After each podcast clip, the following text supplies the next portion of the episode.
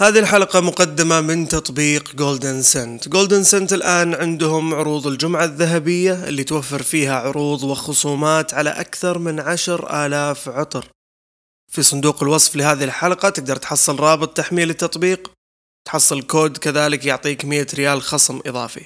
راح تكون هذه حلقة ممتعة وجميلة جدا لأن فيها مجموعة من المشاركات الصوتية من المستمعين اللي ضغطوا على الرابط اللي موجود في تويتر وشاركوا بأصواتهم وأعطونا رأيهم بالسؤال اللي سألناه. فإذا حاب تشارك في الحلقات الجاية تابع الحسابات اللي موجودة في صندوق الوصف ونبدأ الحلقة خلاص.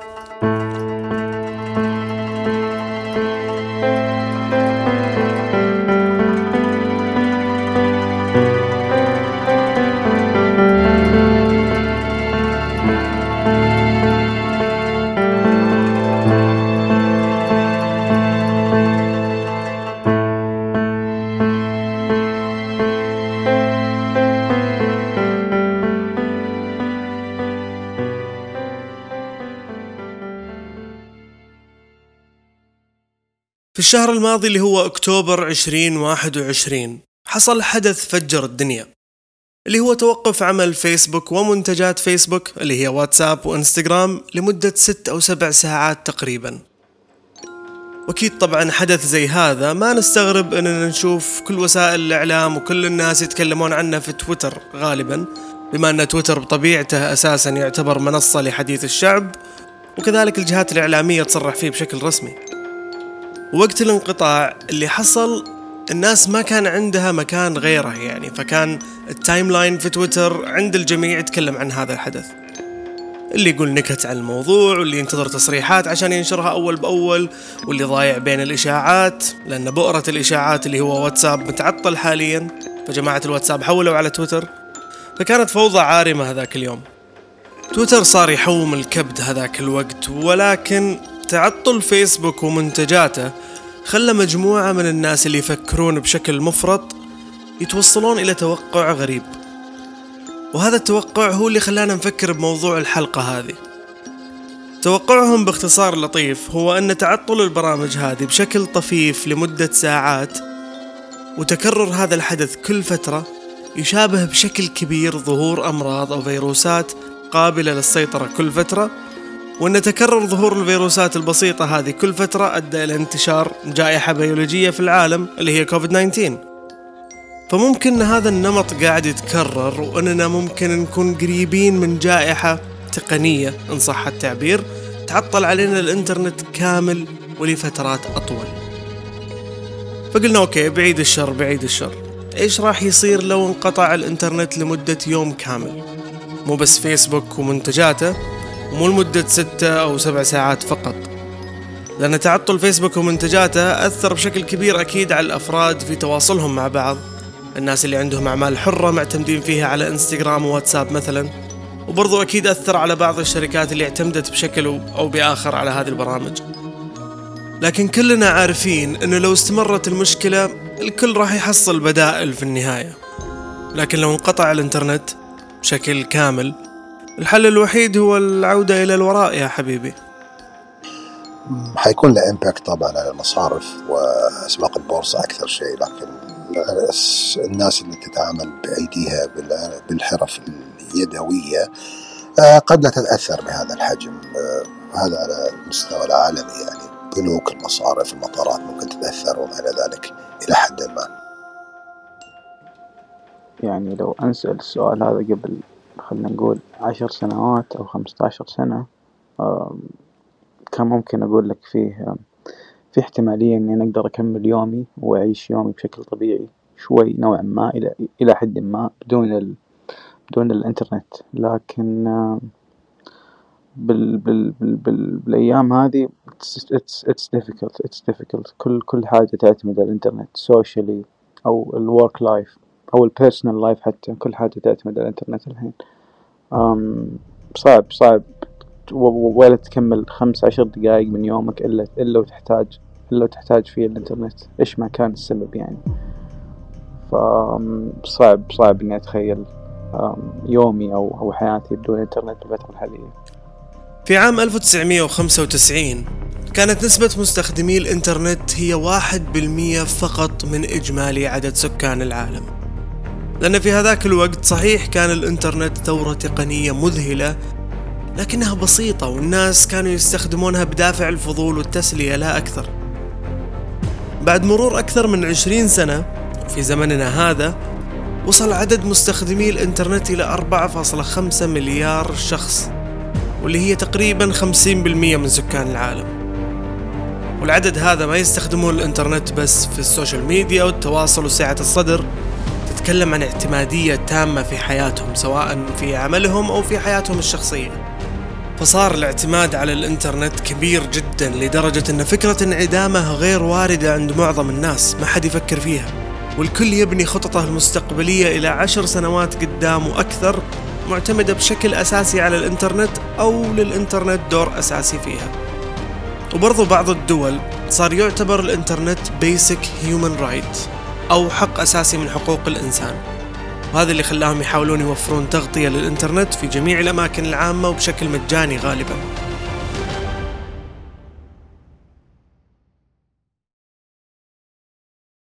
الاعتمادية الكبيرة على الإنترنت مو غلط بالعكس الاعتماد على الإنترنت معناه أن أمور كثيرة تسهلت على البشرية وصارت أسرع بسبب الأتمتة اللي حصلت في أغلب المجالات.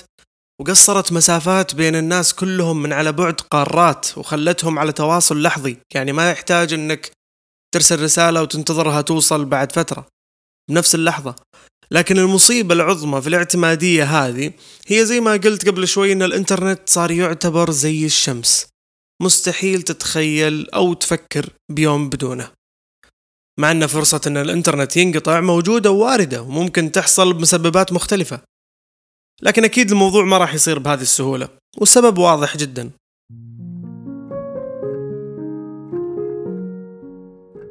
لما نقول إن نص البشرية تستخدم وتعتمد على الإنترنت معناه إن اقتصاد دول وأمن دول يستند على الإنترنت. ومستحيل شركات وحكومات كبرى تراهن على شيء في أي لحظة وبكل سهولة ممكن يختفي.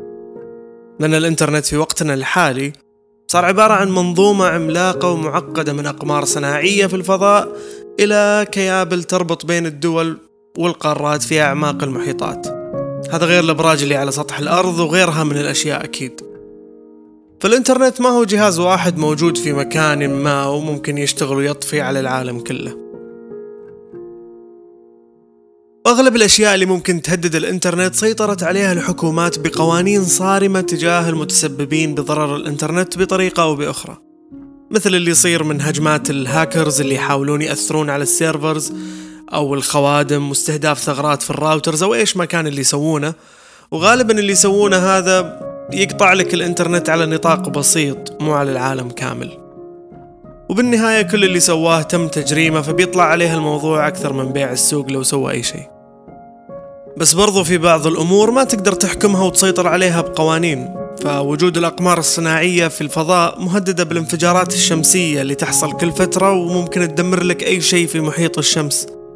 والكيابل اللي موجودة في أعماق المحيطات اللي تربط بين قارات العالم ممكن تتضرر وسبق وصار هذا الشيء في عام 2008 بشكل متكرر خلال هذيك السنة. وأثر على الشرق الأوسط والهند وبعض الدول الآسيوية. وكان بسبب حركة الباخرات والسفن اللي ترمي المراسي الثقيلة حقتها وتضرب لها كيبل وتعدم لك الدنيا. لكن أكيد التقنيات قاعدة تتطور كل فترة عشان تساعد منظومة الإنترنت على مقاومة المخاطر الطبيعية اللي زي هذه الغير قابلة للسيطرة.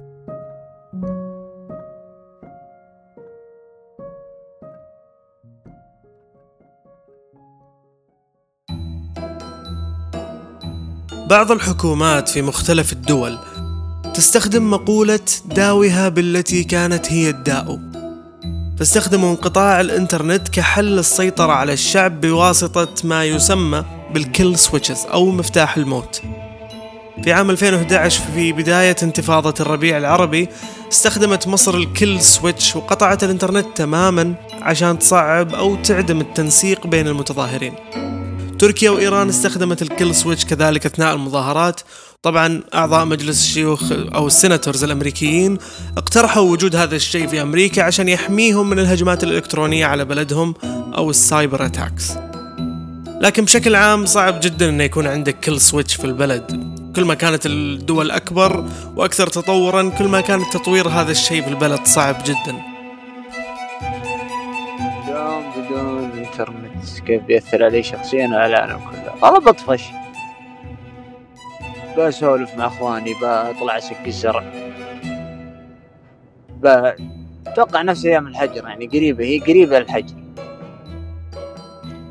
آه، أكيد راح يتأثر الاقتصاد بشكل كبير بتطيح اسهم كثيرة مع إن أكثر المعاملات الحين معتمدة على النت. أتوقع الاقتصاد راح يطيح وأنا بطفش. هذا الشيء يعني بس.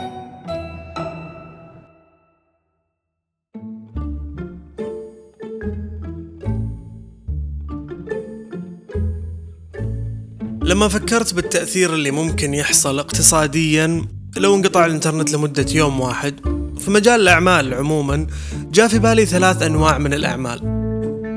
الشركات اللي وجدت قبل الإنترنت واستمرت بعده وازدهرت لأن الإنترنت ساعدها أكيد للوصول شريحة أكبر من العملاء والمستثمرين. وصولها لشريحة أكبر بيعطيها تصور أشمل عن السوق وقدروا بهالشيء يطورون منتجاتهم أو خدماتهم. واستفادت أكيد بتقليل التكاليف مع المحافظة على نفس مستوى الإنتاجية أو في بعض الحالات قللت التكاليف وزادت الإنتاجية. وهذا النوع من الشركات شخصيا ما أعتقد أنها ممكن تنهار أو تتأثر بشكل كبير يعني ممكن يكون تأثيرها بسيط جدا. النوع الثاني شركات تم تأسيسها بعد الإنترنت باعتماد تام على الإنترنت. وصارت الآن طبعا شركات بليونية أو تريليونية مثل التطبيقات والمواقع الإلكترونية. سواء كان نشاطهم هو توفير خدمات الإنترنت أو توفير منتج أو خدمة بواسطة الإنترنت مثل جوجل ومنتجاته زي اليوتيوب وغيره فيسبوك طبعا ومنتجاته نتفليكس الشركات اللي توفر أنظمة تشغيل و softwares لشركات ثانية. متأكد أن هذه الشركات عندهم إدارة عالية للمخاطر. ما عندهم مخاطر أكبر من انقطاع الإنترنت لكن لو الأمور خرجت عن السيطرة في يوم ما راح يصير الموضوع كارثي. لأنه يا أنه بيصير ما عندك منتج تبيعه أو منتجك ما راح يكون منه فايدة. هذا في حال استمرار الانقطاع ليوم واحد مو أكثر. لو أكثر من كذا كثير راح يفقدون وظائفهم طبعا لأن الشركات هذه فيها مئات الألوف من الموظفين. النوع الثالث ما شفت أحد تكلم عنه لكني شايل همهم شخصيا صراحة. أصحاب الأعمال الحرة اللي معتمدين على الإنترنت.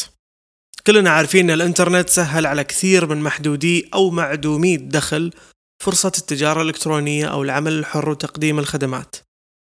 وانقطاع الإنترنت ليوم واحد على شخص يطلع يوميته بعمله الحر أبدا مو سهل لأنه ممكن في بعض الحالات يعرضه للخطر. صحيح في ناس تستخدم التجارة الإلكترونية أو العمل الحر بالمنصات اللي موجودة أونلاين آه، لزيادة الدخل عشان يرفه عن نفسه أكثر ويصير في عنده سعة مادية. ولكن في عدد كبير من الناس يستخدمون هذا الشيء لأساسيات حياتهم. يعني أساسيات معيشته هو أو معيشة عائلته إيش ما كان. عشان كذا أحس الموضوع ممكن فعلا يعرض الشخص للخطر. ملاحظ زاد عدد الناس اللي تنصح بتعديد مصادر الدخل وكيف تعدد مصادر دخلك وهذه الطريقة كويسة وهذه الطريقة مش كويسة. وفي إقبال كبير وجميل جدا على هذا النوع من المحتوى لأن الناس حابة أنها تعدد مصادر دخلها عشان تتمتع أو عشان ترتاح شوية في حياتها. لكن أتمنى يعني من الناس اللي تصنع هذا النوع من المحتوى إنه برضو يذكر من أحد الخطوات إنك لازم تكون عندك إدارة للمخاطر. إيش ما كان مو شرط إنه ينقطع الإنترنت بس لو أنت شخصيا انقطعت عن خدمات الإنترنت أو حصل لك مشكلة تقنية إيش اللي راح تسويه عشان تستمر؟ فوجود خطة بديلة أو بلان بي مهمة جدا بقدر أهمية فكرة تعديد مصادر الدخل اللي قاعد تتكلم عنها. طبعا إذا حابين إننا نسوي حلقة عن موضوع تعديد مصادر الدخل ونجيب مثلا أمثلة ناجحة ونسألهم عن الظروف اللي مروا فيها ممكن نسألهم هذا السؤال إيش خطتك لو تعرضت لمشكلة تقنية أو لو انقطع الإنترنت؟ ونشوف جاهزيتهم لهذا الموضوع. قد تكون الحلقة شاملة جدا وممكن تكون مرجع للناس اللي تبغى إنها تعدد مصادر دخلها بالتجارة الإلكترونية أو العمل الحر. إحنا ودنا يكون لنا يد في هذا الموضوع وللمساعدة ولو بالشيء البسيط. فإذا حابين نسوي هذا النوع من الحلقات اكتبوا لنا في أي برنامج تستخدمه للاستماع للبودكاست وإن شاء الله ما يصير خاطركم إلا طيب.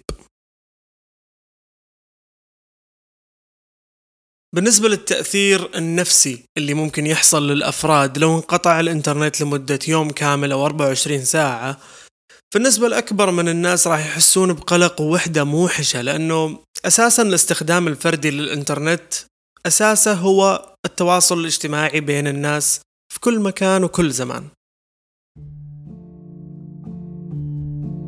أحس إحساس التوتر حيزيد عندي ما أدري ليش. أه برضو أحس بصير مرة يعني إحساس الخمول راح يكون عندي مرة عالي. برضو أول شيء لما قرأت التويتة التويت يعني أه جاني إحساس إني راح أركب سيارتي وأروح بيت صديقي المفضل وأطق الجرس والإحساس اللي كنا نعيشه أول لما ندق باب بيت الجيران ونشوف آه، ولد الجيران إذا هو فاضي ولا لا عشان نلعب معاه. فهذا الإحساس اللي جاني أروح بيت صديقتي وأشوف إذا هي فاضية ولا لا. شعور اللي ما ندري الشخص الطرف الآخر فاضي أو لا. برضو أحس راح ألتفت لأشياء أنا كنت مأجلتها. في البداية راح أكابر لكن راح ألتفت لها. في نهاية الأم يعني اليوم. الحقيقة ما أقدر أتخيل يوم كامل بدون إنترنت. لأني سبق وجربت أعيشه فالتأثير اللي لاحظت على نفسي بأن التركيز كان جدا عالي عندي على كل شيء يصير من حولي. على اللحظة على الواقع. حاسة نفسي يمكن جالسة جلسة تأمل طول الوقت طول اليوم. اليوم بالنسبة لي كان طويل. وعندي الوقت إني أعطي كل شيء حقه. أعطي كل شيء حقه من الوقت طبعا. هذا تأثير على الفرد لكن العالم. أعتقد صار بديهي أقول سيء. ما أعتقد العالم بيرجع طبيعي بعد هاليوم يوم واحد. ما أعتقد بيرجع طبيعي.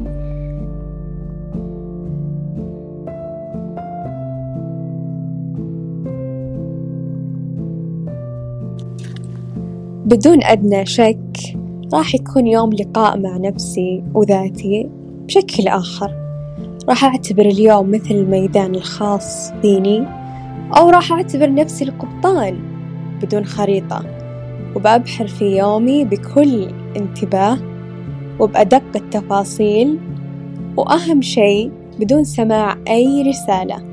جربت لمدة أكثر من شهر وكان التأثير والنتائج فوق المتوقع. اكتشفت كنوز كنت أجهلها وأجهل مفاتيحها. وفي بداية بحاري بأمسك فرشاتي وببدأ ألون يومي.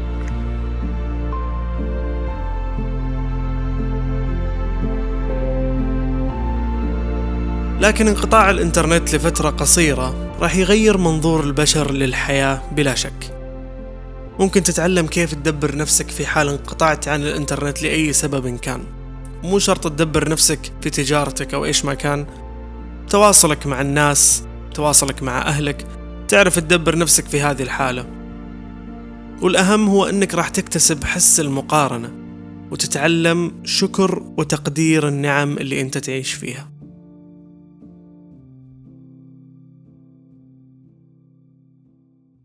ختاما نتمنى إن الحلقة هذه أضافت لكم لو الشيء البسيط من المعلومات وإنكم استمتعتوا فيها. ومرة أخرى أكيد أشكر كل من شارك صوتيا في هذه الحلقة وإن شاء الله ما نستغني عنكم في الحلقات الجاية. ولو حاب تشارك تابع حساب البودكاست في تويتر. وقبل كل حلقة إن شاء الله راح ننزل رابط. تقدر تفتح هذا الرابط وتسجل مشاركتك ونزلها في الحلقة اللي شاركت فيها.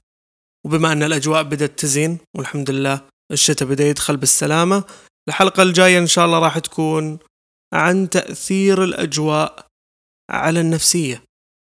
ليه في الشتاء نفسياتنا حلوة وفي الصيف نفسياتنا ما إحنا متحملين أنفسنا أساسا. كيف يختلف الشخص أو كيف تختلف شخصية الآدمي اللي انولد وعاش في منطقة جوها دائما لطيف وعليل عن الشخص اللي عاش في منطقة عكس ذلك. تقييم الحلقة ومشاركة آرائكم عن طريق المنصات المستخدمة للاستماع للبودكاست يعمل فرق كبير جدا في تطوير المحتوى وفي الاستمرارية. شكرا لاستماعكم. انتهى العرض.